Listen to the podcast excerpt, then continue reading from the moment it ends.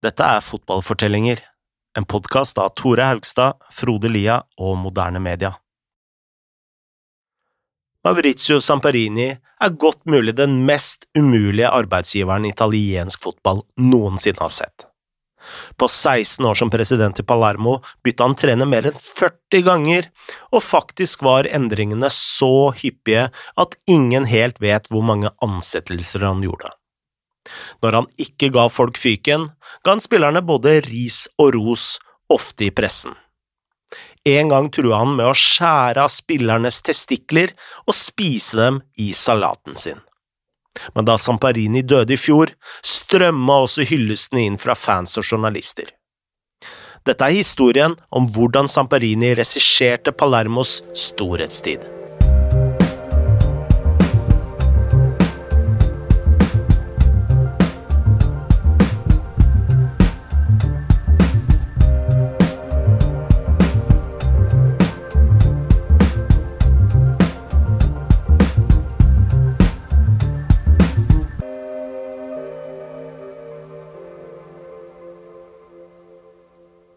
Maurizio Samparini ble født i 1941 i Sevillano, en landsby i nordøstre hjørne av Italia. Han ble en suksessrik forretningsmann som eide flere kjøpesentre, men innen 1987 var han blitt lei av å bare drive normal business. Han kjøpte Venezia, som da slet i fjerdedivisjon, og det viste seg fort at Samparini hadde peiling på fotball.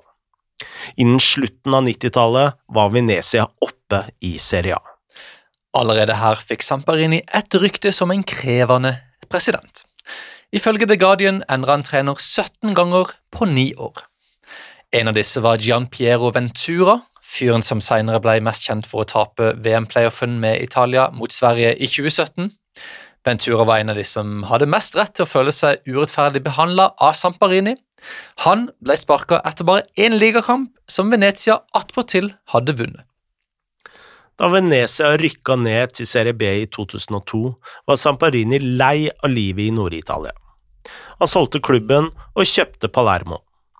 Også de var i Serie B, men de var Sicilias største klubb, med lidenskapelig støtte fra stolte sicilianere, både på øya og i nord men Samparini hadde ikke lyst til å si adjø til alle spillerne i Venezia. Så da han tok over Palermo, henta han et dusin av sine gamle Venezia-soldater ned til sør. Dette var en ganske kaotisk begynnelse for Samparini. Masse nye spillere, og alt var liksom helt nytt, så eh, han fikk jo da inn en trener som skulle lime denne stallen sammen på kort tid, og dette var Ezio Glerian. Etter én ligakamp av sesongen ble Ezio bedt om å rydde kontoret men som i Venezia skaffet Samparinis metoder resultater. I 2004, etter flere kjøp og salg og trenerbytter, så rykket Palermo opp til Serie A for første gang på 31 år. Samparini fant en rekke juveler som blomstra i klubben, blant andre Luca Toni, Andrea Barzagli, Cristiano Saccardo og Fabio Grosso. Da Italia vant VM i 2006, spilte fire av de ferske verdensmesterne for Palermo. Spesielt den første sesongen i Serie A var imponerende. Tony kriga i 19 mål, og laget sikra en sjetteplass, som betydde kvalikbillett til Uefa-cupen. Året etter, altså i 2005-2006, så falt de ned til en åttendeplass, men siden Calciopoli straffa flere av lagene som hadde havna over de, så fikk Palermo et nytt eventyr ute i Europa. Dette var en gyllen epoke for laget i svart og rosa. Den neste sesongen så det ut som Palermo kanskje kunne nå Champions League. De hadde søramerikanske stjernespisser som Amauri og Edison Cavani, og under treneren Francesco Gudolin vant de ni av de første elleve ligakampene. Men så kom det et par tap, og innen jul var det en åpenbar misnøye rundt klubben. I høytiden mottok Rino Focci en pakke i posten. Da kona åpna boksen, fant hun et avkutta geitehode. Ja, og kona til Focci reagerte jo selvfølgelig ved å svime av. Og uh, vi ville jo ikke lage noen referanser til mafia og gudfaren her, men uh, dette er jo en Vi gjorde en, vel nettopp det. Det er en anekdote som er sann. Uh, heldigvis da, så var det jo ingen som fulgte opp på denne trusselen. Og det ble jo ingen som liksom måtte få noe verre opplevelse enn dette, men innen februar da, så hadde Palermo fortsatt ikke skjerpa seg. Faktisk hadde de mista formen fullstendig. Og i en periode hvor du kanskje skulle tro at presidenten kom til å backe spillerne, så ga egentlig Samparini kommentarer som en hvilken som helst annen fan. Han sa aldri i verden om vi kommer til å spille Champions League her neste år. Dette laget, sa Samparini, ei fritt fall. Samparini fikk til slutt rett. Palermo havna like utenfor Champions League-plassen, og innen dette var Gudulin sagt opp. Treneren for den nye sesongen var Stefano Colotano, men innen november hadde Samparini kasta ham på dør og henta tilbake Gudolin. Stakkars Gudolin overlevde frem til mars, da Samparini ga ham sparken og ansatte hvem andre enn Stefano Colantano. I 2008 gjorde Samparini noe veldig, veldig uvanlig til han å være. Palermo kom på en skuffende ellevteplass, men han beholdt Colontano som trener likevel. Det virka nesten som han hadde begynt å roe seg litt ned, men så røyk Palermo ut av Coppa Italia mot Ravenna, et lag fra tredjedivisjon, og så ble det 3-1 i sekken i første ligakamp mot Udinese. Da hadde Samparini fått nok og ga Colontano sparken for andre gang på under et år. Innen dette var Samparini fullt klar over hva slags rykte han hadde. Da Colantano hadde rydda kontoret, sa Samparini spøkefullt til pressen at det eneste jeg har igjen å gjøre nå, er å sparke meg selv. Så jobba han seg gjennom et par nye trenere. Davide Balladini varte nesten en hel sesong før han ble uenig med styret og dro. Walter Senga kom inn før sesongen og overlevde frem til november. Så var det duka for Delio Rossi, som fort merka at han hadde en uvanlig sjef. Før en kamp mot Milan så gjorde han alt for å banke inn en vinnermentalitet i spillerne. Men så gikk Samparini ut i pressen og sa vi kommer til å tape kampen 2-0. Men denne gangen tok Samparini feil, og så sikret de tre poeng borte mot selveste Juventus.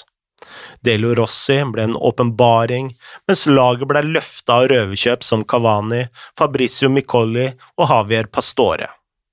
De rosa tok en finfin femteplass, bare to poeng bak Champions League-plassen. Endelig så ting ut til å være på stell, og faktisk varte denne roen frem til februar neste sesong.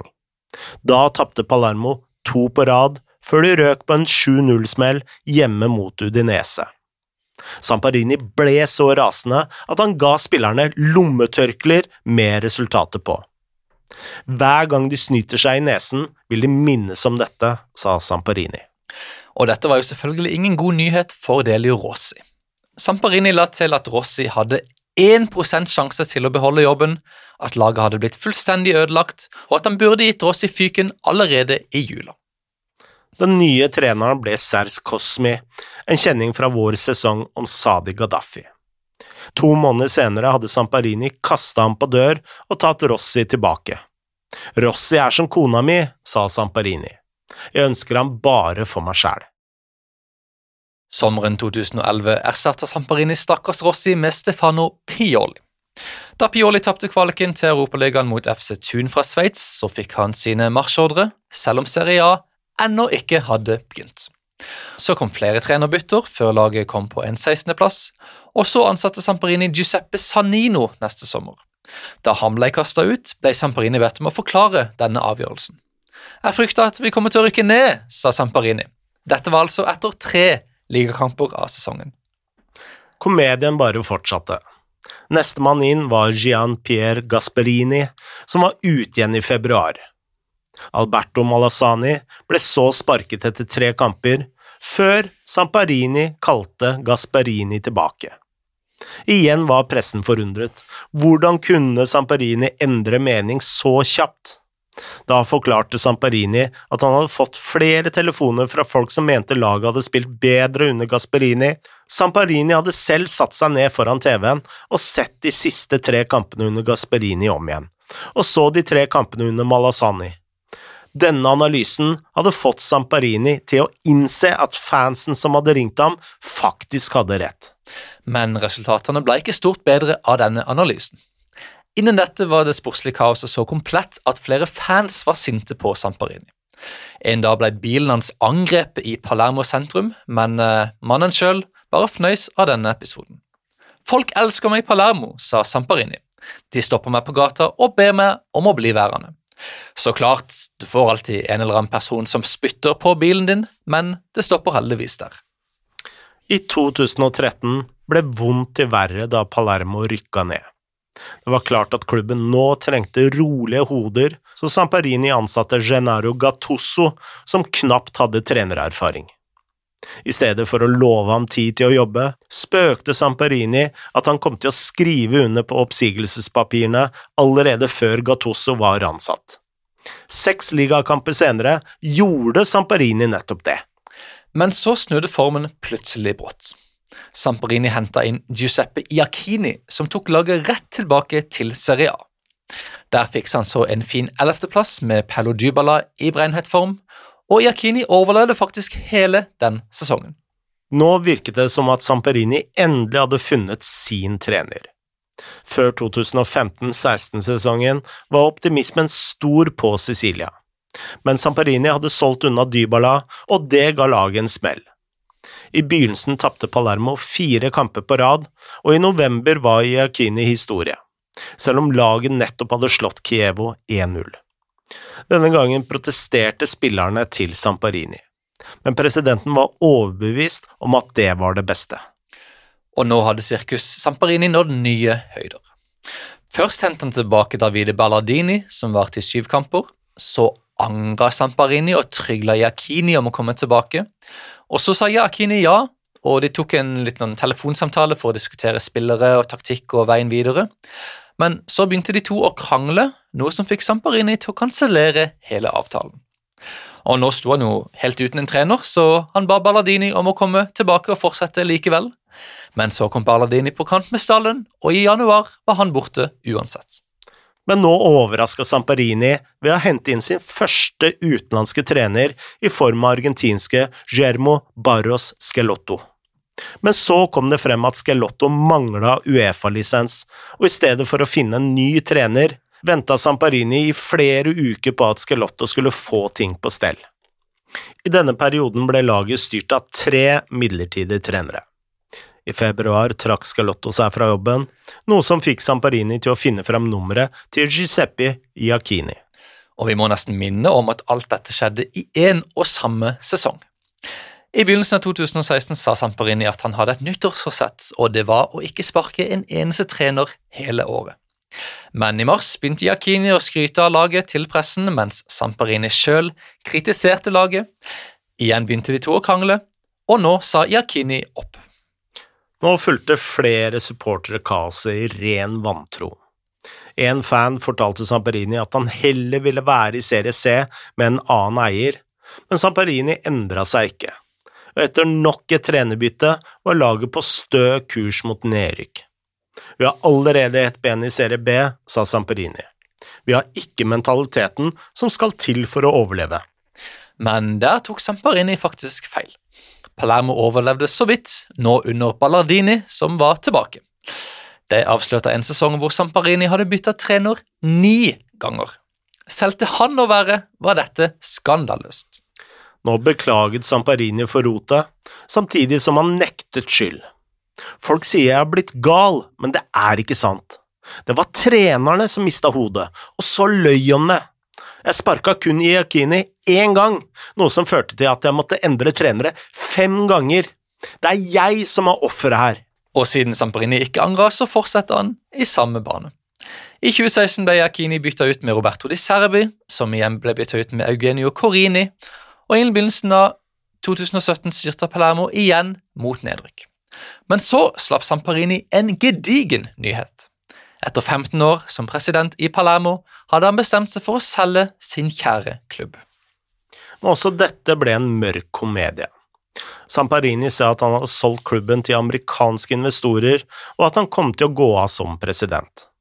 Faktisk holdt Palermo en pressekonferanse for å annonsere hans etterfølger, Paul Bacaliani, og dette var en tidligere TV-komiker som selv Samparini sa ikke hadde peiling på fotball. Det var også uklart hvor pengene skulle komme fra, og de neste månedene ble den offisielle overtagelsen stadig utsatt, og så, i juli, sa Samparini at han hadde sagt nei til investorene, og at han kom til å fortsette som president. Dermed tok Samparini en ny sesong med Palermo i Serie B. De tapte playoffen, og sommeren 2018 måtte de selge spillere pga. en skjør, skjør økonomi. I desember samme år sa han at han hadde solgt klubben til Sports Capital Group for 10 euro, fordi han ville se sitt kjære lag få inn sårt nødvendige penger. Men disse investorene trakk seg da de fant ut akkurat hvor kaotisk økonomien var i Palermo. Deretter gikk det noen måneder igjen før Palermo fikk en ny eier i form av turistselskapet Acus Network. Og nå var vel endelig denne sagaen over? Men så klart var den ikke det. Palermo kom på tredjeplass i 2019, før Fotballforbundet straffa dem for brudd på finansielle regler ved å plassere dem sist. Dette betydde nedrykk til Serie C, og Palermo anka og fikk redusert straffen til trekk på 20 poeng, noe som redda plassen. Men da Palermo så leverte inn søknad om fornya lisens til Serie B, glemte de å legge ved bevis på forsikring og siden det var svært alvorlig å mangle forsikring i italiensk fotball, ble ikke bare Palermo straffa med minuspoeng, de ble kasta ut av hele ligasystemet. Siden det har et nytt Palermo blitt oppretta i Serie D. De rykker kjapt opp til Serie B, hvor de nå har blitt kjøpt av City Football Group, altså selskapet som eier Manchester City og et hav av andre lag verden rundt. Men dette har skjedd uten Samparini, som forlot klubben for godt i 2018. Den 1. februar 2022 døde Samparini i en alder av 80 år. Verden rundt ble nekrologisk skrevet om mannen som først og fremst var kjent for å sparke trenere. Men i Italia ble han hyllet som en av de viktigste presidentene i Calcio de siste tiårene, og i Palermo visste fansene at det var han som hadde stått bak gullalderen i Serie A. Mot slutten hadde Samparini selv indikert at han var fornøyd med det han hadde gjort. Jeg angrer ikke på noe, sa Samparini. Jeg er takknemlig overfor fotballen, som er en nydelig sport, og jeg gjorde alltid mitt aller beste.